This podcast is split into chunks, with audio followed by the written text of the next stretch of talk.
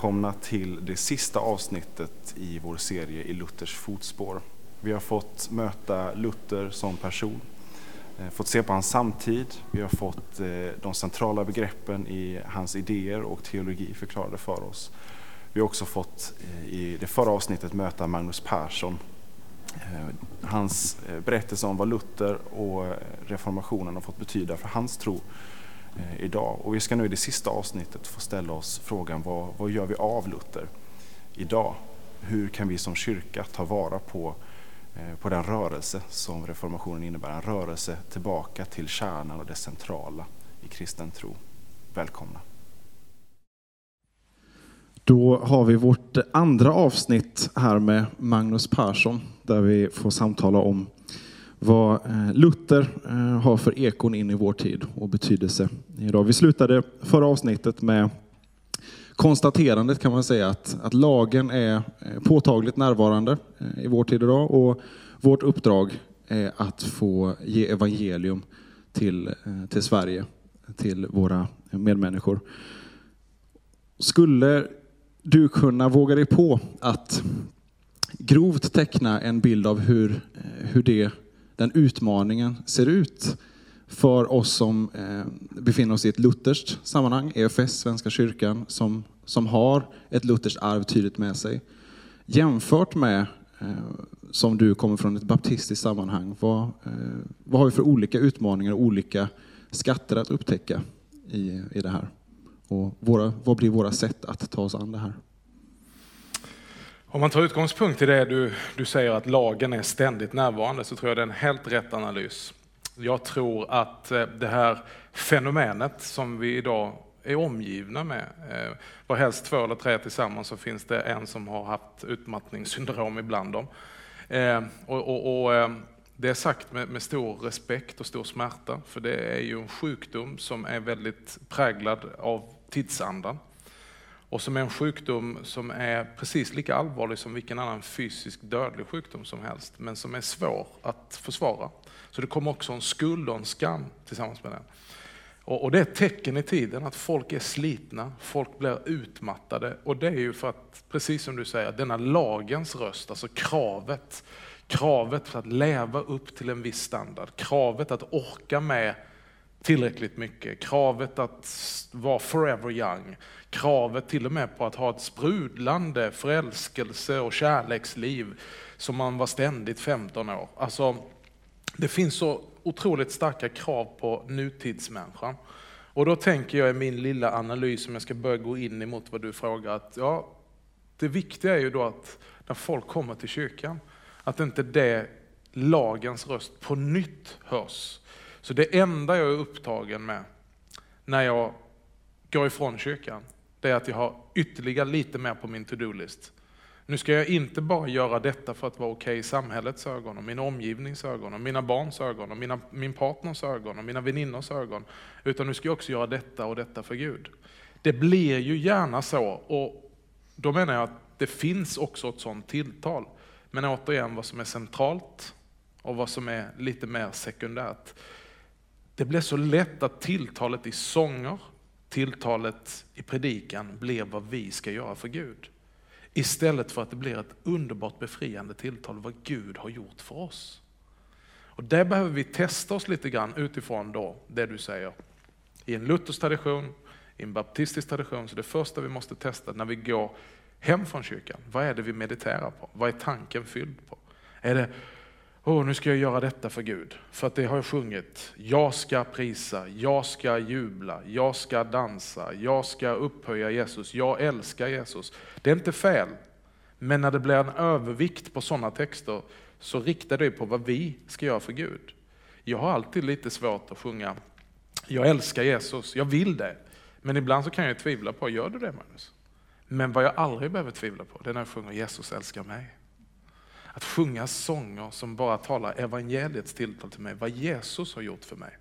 Och det är det viktigaste för mig att ha med mig från gudstjänsten. Vad är det Gud har gjort för mig? Eller är Gud ytterligare en pådrivare så att samhället är fullt av allt det här där det bara ropar till mig. Från köket som behöver renoveras, det kanske inte behöver det. Eh, garderoben som behöver förnyas, bilen som behöver tvättas, högskoleprovet som måste göras.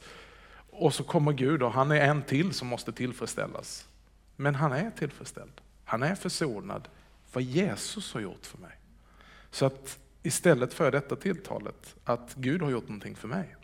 Och då tänker jag, det är lätt i vissa olika sammanhang, det är lite svårt att bara säga i den sammanhanget måste man akta sig för det och i det sammanhanget för att jag tycker att gränserna kan liksom lite grann. Men för den lutherska miljön så är det väl att börja gräva i sitt eget eh, arv och, och, och ta tillbaks och, och, lyfta fram de här fantastiska skatterna eh, eh som finns i evangelierna. För laget lagens uttryck i det lutherska kan ju gärna bli att syssla med eh, skapelsen.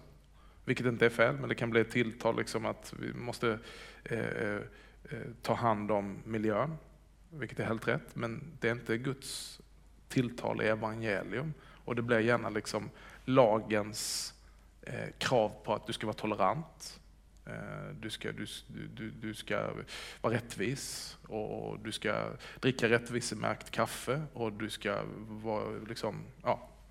Eh, så det, vi kan ju gärna liksom drifta iväg till det som inte är centralt. Och, och i, i, mitt sammanhang så kan vi ju gärna drifta iväg, istället för alla de här yttre grejerna, så in till det inre.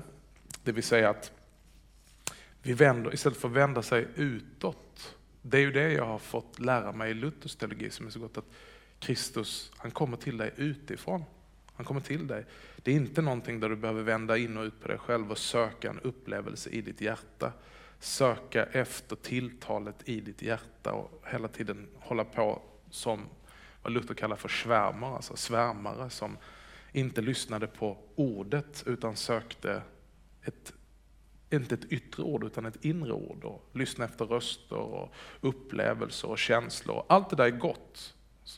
Och fint, eh, härligt när vi får uppleva känslor. Vi vet ju hur känslorna är, upplevelserna är att det, det är lite som aktiekursen. Va? Det, det, går upp och det går ner. Det är ingenting att, bygga på. Det får gärna komma och välsigna oss så länge vi har en stabil grund i det yttre ordet, i sakramenten. Och för mig som pingstvän, där det är väldigt fokus hela tiden på känna, uppleva, att mötet med Jesus, det, det är lika med en upplevelse. Eh, att få komma till de här fasta formerna som bär mig. Att få motta bara en sån enkel grej som absolutionen. Det, det är ingenting, jag vänder inte mig inåt och känner liksom, är jag förlåten? Utan det får komma till mig som ett tilltal utifrån från en annan. Dina synder är dig förlåtna. I Faderns, Sonens och den helige Andes namn. Det blir liksom fysiskt, det blir greppbart. Att få gå till nattvarden och det tar ju ni för givet, ni är ju lutheraner. Men, men för en stackars pingstvän det är ju underbart att få bara, det blir liksom, tron blir kroppslig. Och jag tror att det har vi ett enormt behov av i vår frikyrkliga kultur. Där, vi, där tron har blivit abstrakt, tron har blivit förandligad. Och någonting som hela tiden hjärtat, du måste tro med ditt hjärta, du måste känna i ditt hjärta, har du tagit emot Jesus i ditt hjärta? Och till slut så behöver vi lite ärliga med oss säga, men hur i hela världen tar man emot Jesus i sitt hjärta? Kan jag få lov att ta emot honom i mina händer? I bröd och vin och få lita på? Vi vet ju vad vi menar, men det kan bli abstrakt. Så därför tror jag, jag ser en otrolig längtan i min egen tradition. Låt tron få bli kroppslig. Sakramenten är inte till för Gud, de är till för oss att göra tron konkret, synlig. Eh, ja. Och det, jag vet inte om det är bara någonting för den frikyrkliga, kanske det är också att i det lutherska så har ni så mycket fantastiskt som ni måste damma av. Som egentligen inte är lutherskt utan som är allmänkyrkligt. Och jag tror att de här, för att knyta an till någonting annat du sa, att vi, vi ser en massa konvertiter som tänker för att få tag i the real deal så måste jag konvertera någonstans och söka sig ännu djupare. Men för mig är det lite grann så här att jag tänker ju inte att 1500-talet var det gyllene århundradet. Utan Luther, det han pekar på är ju tidlöst. Han pekar ju tillbaka på fäderna, tillbaka på det som är det allmänkyrkliga. Så katolsk tro och kyrklighet i ordets rätta bemärkelse, alltså inte romersk katolskt, utan katolskt som är allmänneligt. Det mötte jag ju hos Luther i, i det arvet han förmedlar. Han vill ju inte starta någon ny kyrka. Han, han vill ju liksom inte bryta sig ur och hyra lokaler och, och sätta upp en synt och köra egna möten. Utan han vill ju reformera denna kyrka som han tror på, som han är född i, som han är teologisk professor i och, och predikant i. Och, och jag tänker att vad hade hänt med den kyrkan som är kyrkan mitt i byn i vårt land? Hur vi än vänder och vrider på det och nu är jag pingstvän som säger det, det var som är ytterst här ute längst ut på kvisten, till och med en nyplanterad pingstförsamling. Så tänker jag så här, var vi än kommer i det här landet så finns det ett vittnesbörd om att Gud har varit där för oss. Var vi än kommer, så långt upp nord vi vill komma, eller i syd, väst, öst, varenda stadsdel vi har i Malmö.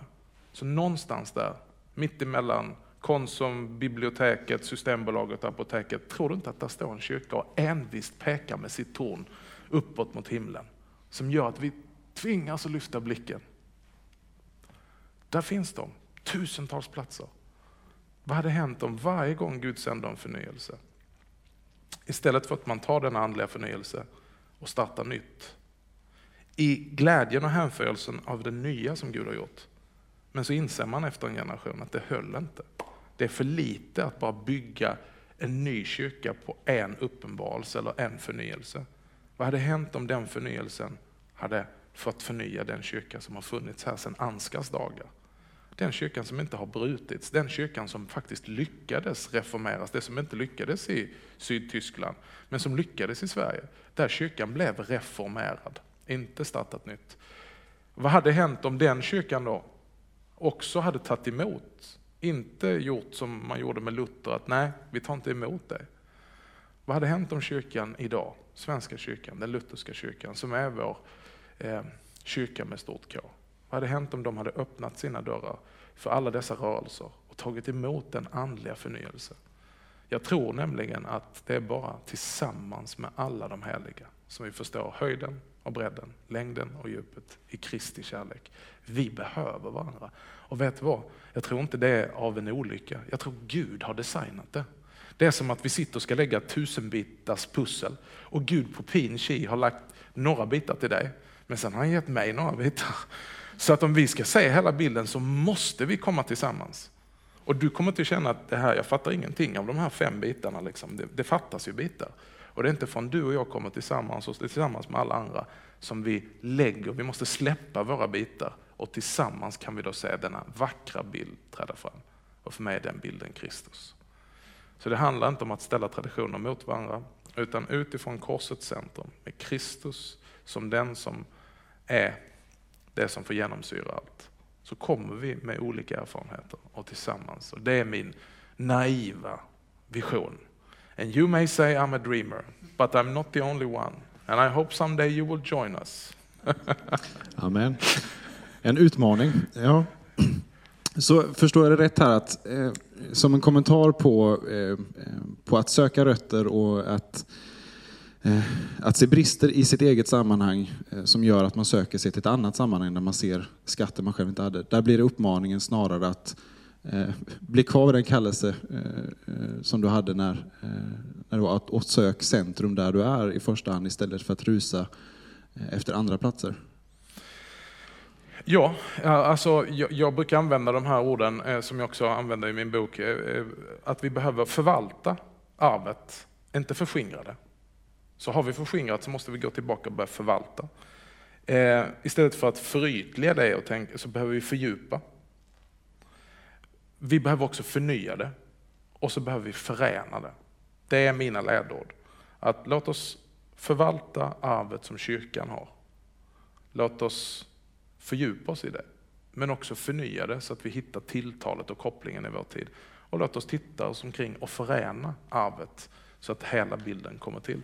Och då tror jag att eh, min dröm är ju att, att vi skulle se en sån ekumenisk rörelse tillbaka och samlas runt eh, kyrkans centrum och, och, och se nytt liv eh, och se evangelium eh, få förkunnas med kraft i, eh, i de kyrkor som finns. Vi, där har vi ju i våra olika rörelser i svensk kristenhet och olika traditioner, då blir det olika ingångar i, i, i det här. Eh, och samtidigt så har vi ju sam, vi har samma utmaning. Vi, vi ska ge evangelium till Sverige, för det är där vi är. Eh, så vår, vår kallelse, vårt uppdrag är gemensamt på det sättet. Eh, och i, i din bok så använder du ett, ett ord för att beskriva eh, det som, som kanske då lite tafatt blir när man ska försöka hitta ett förändringsflås. Att, att, jag menar, att jag, jaga efter nya sätt, men sen så blir det någonting som bara är yta. Så hur, hur undviker vi förändringsflås? När vi inser att vi måste kanske förändra vår organisation, eh, måste förändra sättet som vi firar gudstjänst. Och så där. Hur undviker vi att det blir förändringsflåset som, som blir det centrala och istället har vi eh, Jesus i centrum? Och hur kan vi hjälpa varandra eh, i det? Hur, hur gör vi ekumeniken i det? Mm. Jag tänker så här att, att förändring är konstant man behöver hela tiden förändras. Den första av Luthers teser handlar om förändring. När Herren Jesus Kristus sa omvänd er, så menade han att en kristes liv skulle vara ett liv i ständig omvändelse, alltså i ständig förändring. Så förändring handlar ju om att vi måste erkänna att vi är syndare, förblir syndare, vi är fallna, vi är brutna.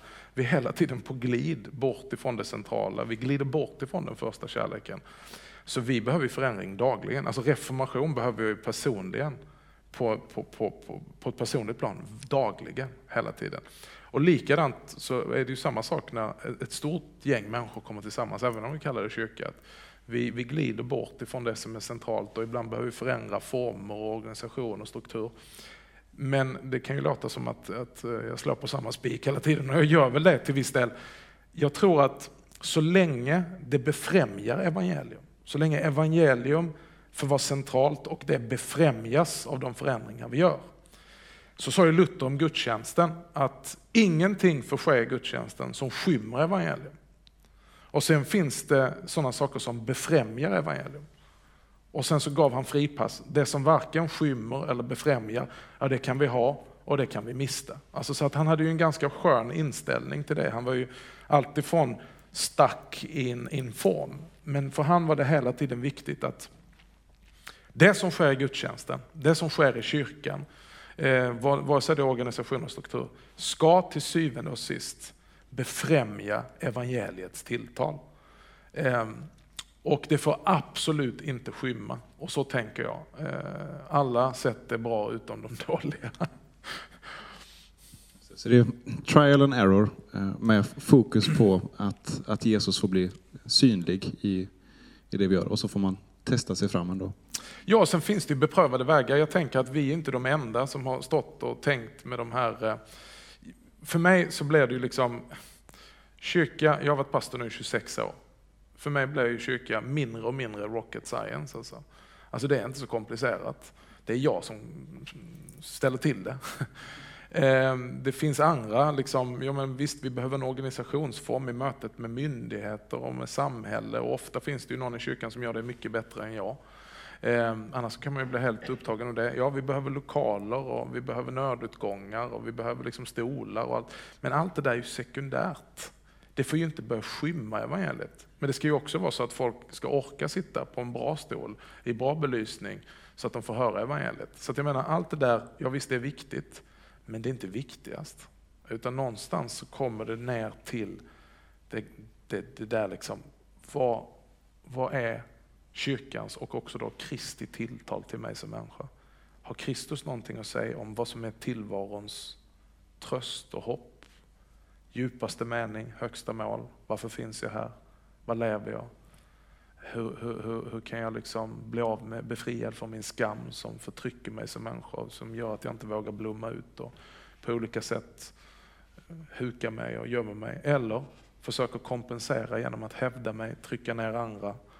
Eh, skulden jag bär. Vi har precis varit med, det är kanske lite för tidsanpassat med tanke på när det här programmet sänds, men hela Sverige och världen har översköljts av en metoo-kampanj, hashtag metoo. Och då ser vi det från två olika perspektiv. Vi ser att det här är kanske någonting som vi alla visste om egentligen. Om vi har varit på en firmafest, om vi har varit på en nattklubb så kanske vi inte är jättechockade. Samtidigt så blir vi chockade när vi ser hur utbrett denna kränkning av kvinnor är. Sexism, eh, missbruk. Men det finns en annan sida av det. Och det är att det finns tusentals, hundratusentals, miljoner män över hela världen just nu som är totalt belamrade med skuld. Även om inte de själva har hängts ut så bara vetskapen om att den här hashtaggen är ute, helt plötsligt så lyfts någonting upp som de har lagt bakom sig.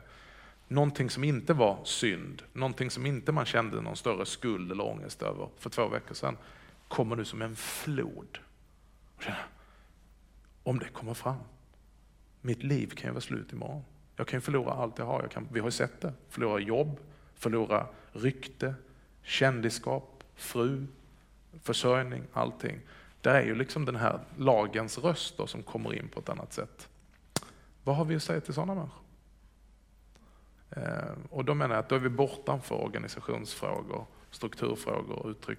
En människa som är så eh, plagad av skuld, fylld av ångest, han kommer inte för att få underhållning. Han kommer inte för att få information. Han vill ha absolution.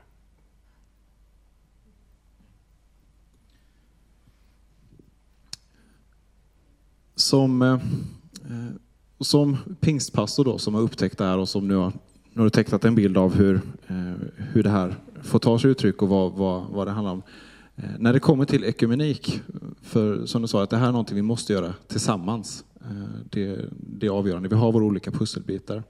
Hur, hur gör vi den här ekumeniken rent eh, konkret nu? Vi har, vi har ekumeniska böneveckor i landet och man firar ekumeniska gudstjänster där man bidrar med olika bitar och det finns mm, pastors och prästluncher och sådär. Men vad, vad, är, eh, vad är sann ekumenik och att, att ta faktiskt utmaningen att göra missionsuppdraget tillsammans?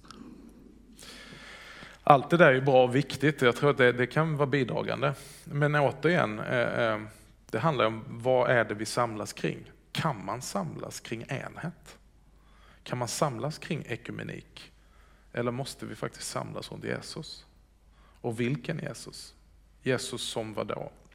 Så där menar jag att den här bilden igen då, med korset, att om alla gör en resa mot centrum så, och söker evangelium, eh, så, så kommer det till bidra till en enhet. Sen finns det andra praktiska saker. Jag tror att de flesta av oss vi måste liksom komma lite ur vår comfort zone och börja se varandra lära av varandra, lära känna varandra, bjuda ut varandra på lunch. Sitta här, här sitter jag, pingstvän, sitter med dig, EFS-präst.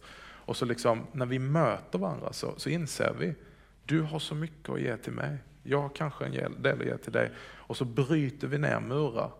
Eh, fruktan och missförstånd finns ju bara på avstånd. Det är ju när vi inte talar med varandra som det, det är någonting som fyller den tystnaden.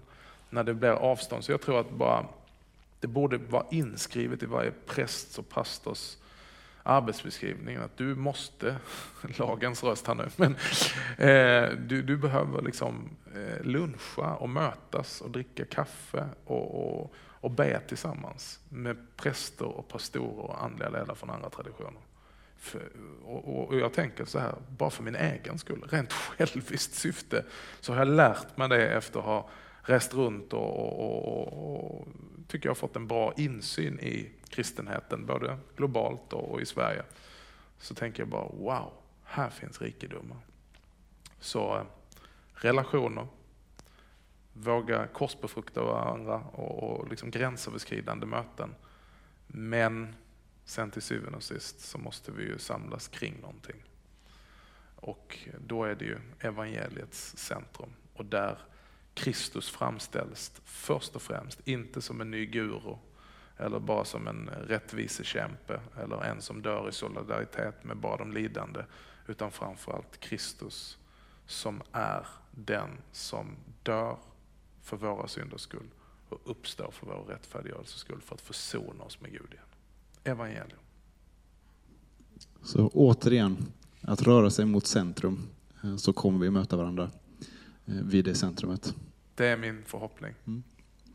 Skulle du också avslutningsvis vilja eh, bara ge oss bilden av hur, hur det här då har förändrat det sammanhang som du verkar i, United? Hur har det påverkat gudstjänst? Hur har det påverkat hur, hur ni marknadsför eller når ut till, till Malmö, till de som ni har runt omkring er. Vad, kan du ge exempel på några konkreta saker som, som var tvunget att förändra just för att eh, nu riktar vi om oss mot, eh, mot det här centrumet? Nej, men om man ska sätta det då i en luthersk kontext och försöka använda liksom lite lutherska benämningar på, på, på de här förändringarna så, så eh, på engelska så kallas ju den lutherska gudstjänsten för divine service och det är därifrån vi får Guds tjänst. Gudstjänsten har förändrats på så vis att det inte först och främst vi som kommer för att tjäna Gud, utan vi låter Gud komma och tjäna oss. Eh, det kan låta helt naturligt, men det viktiga är att utgå ifrån, inte människan, utan utgå ifrån Guds tilltal och att det tilltalet får höras från början till slut. Eh, och sen blir det farligt när man talar om uttrycksformer, för då liksom gjuter man fast att det är så det, det måste vara. Utan det viktiga är väl att säga att Guds hälsning kommer till oss från början till slut. Vi kunde gärna vara liksom lite uppspelta och vara lite mer, vi hämtade ju vår cue från tv-program eller events när vi gjorde våra gudstjänster och då var det liksom lite fräsiga människor där. Va? Och redan där kan du ju få fördömelse nästan när du kommer till gudstjänst. Om du, du kommer med ett liv i lite spillror och så vidare och så ser allt liksom, det, det, det, är upp, lite upphausat va? och det är vackra människor. Och det, det är inte förbjudet att vara vacker, men någonstans där det, det blir liksom den här tilltalet, så det första vi säger så här, tjena, mår du bra? Och direkt, det första tilltalet är, ja just det, hur mår jag? Mår jag bra? Säger jag då bara ja, och sen ska jag säga nej, du ljuger, du mår inte bra. Alltså, vi är noga med att det första tilltalet i gudstjänsten, det är inte inriktat på hur du mår, eller hur det är med dig, eller sätta fokus på det utan det blir en hälsning från Gud, från början till slut. Inte vad du har att säga Gud, utan vad Gud har att säga dig. Sen tänker jag att det, det kanske är i alla former som funkar. Det viktiga är att formen befrämjar Guds tilltal till dig och inte bara liksom gör dig självupptagen. För jag tycker att allt annat i vår kultur gör i alla fall mig självupptagen. Det kan göra att jag har dålig självkänsla och jobbar väldigt med mig själv. Men är man lite som mig, så blir det ju liksom bara, jag kan ju bara hamna i en hiss. Är det en spegel i den hissen? Gissa vad jag tittar på?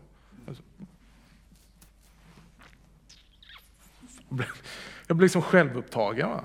Och, och, och, när jag tittar på en bild som någon har tagit och det är 16 personer på den bilden och en av dem är jag, gissa vad jag tittar på? Alltså jag tänker inte på att Karl blev bra i bild utan tänker nej, varför la de ut den? Jag är ju inte bra i bild. Ja, men det är 15 andra. Så vi, är, vi är otroligt självupptagna. Och då tänker jag, kyrkan är en av de sista platserna på jorden, förhoppningsvis, som inte är antastad av detta. Tänk om detta fick bli en arena där du kan få glömma dig själv för ett tag och få bara ta emot. Så det har påverkat vår gudstjänstform, att den är lite mindre kanske hetsig, lite mindre eh, brus, att uppskatta också stillhet. Och då tänker man, ni har blivit äldre. Ja, faktum är att det är ju de unga, unga vuxna speciellt, som uppskattar stillhet.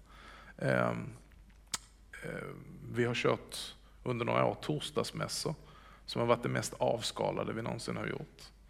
Och det, det som har berört mig det är att det är ju 90% unga vuxna som kommer dit. Som lever i ett högtempoliv och som inte alls föraktar det, men de har ju, världen är ju full av de erbjudanden där du kan stå och skaka skallen och hoppa och dansa och liksom bara leva i 180. Det finns ju så många andra arenor.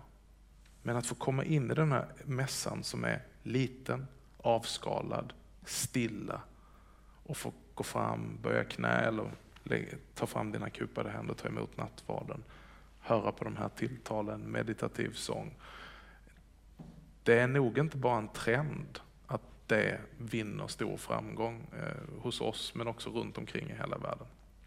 Utan nu att säga att det är formen, utan som grundregel, vi behöver hitta former där evangeliet eh, blir alltså Guds tjänst till oss, inte vår tjänst till Gud. Eh, tilltalet då, vi har varit inne på lag och evangelium, jag tror att våra predikningar är väldigt evangeliska. Jag tror de är väldigt Jesus-centrerade. Och det, det har väl liksom ett uttryck utifrån att vi har fått en otroligt stor tro på vad evangeliet har att uträtta. Att det inte bara, predikan är inte bara en massa information och förklaringar om Jesus, utan predikan blir det här tilltalet från Jesus.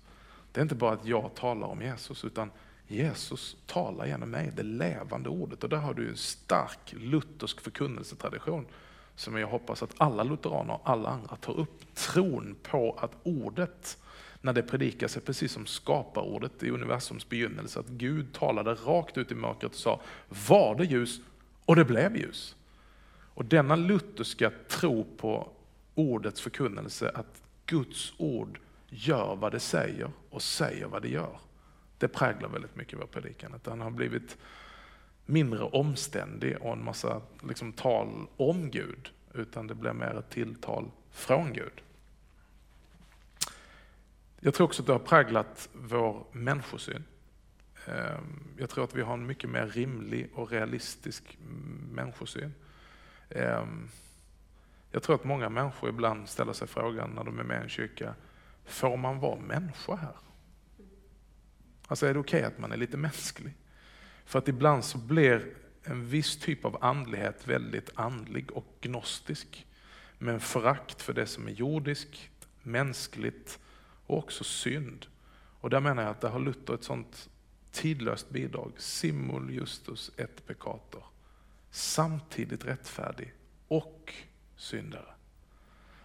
Eh, många anklagar den lutherska teologin för att vara pessimistisk och liksom bara åh, det är så jobbigt, vi är så dåliga och jag arm, fattig människa och så vidare. Eh, men jag tror att då ser man det i ett annat, för mig har den aldrig varit pessimistisk, utan för mig är den befriande realistisk. För det står ju inte bara att vi är ett pekator, utan simul justus, ett pekator. Det vill säga, jag behöver inte gömma mig, jag behöver inte fejka, jag behöver inte försöka vara någon annan. Luthers teologi tar synden på största allvar och talar om den.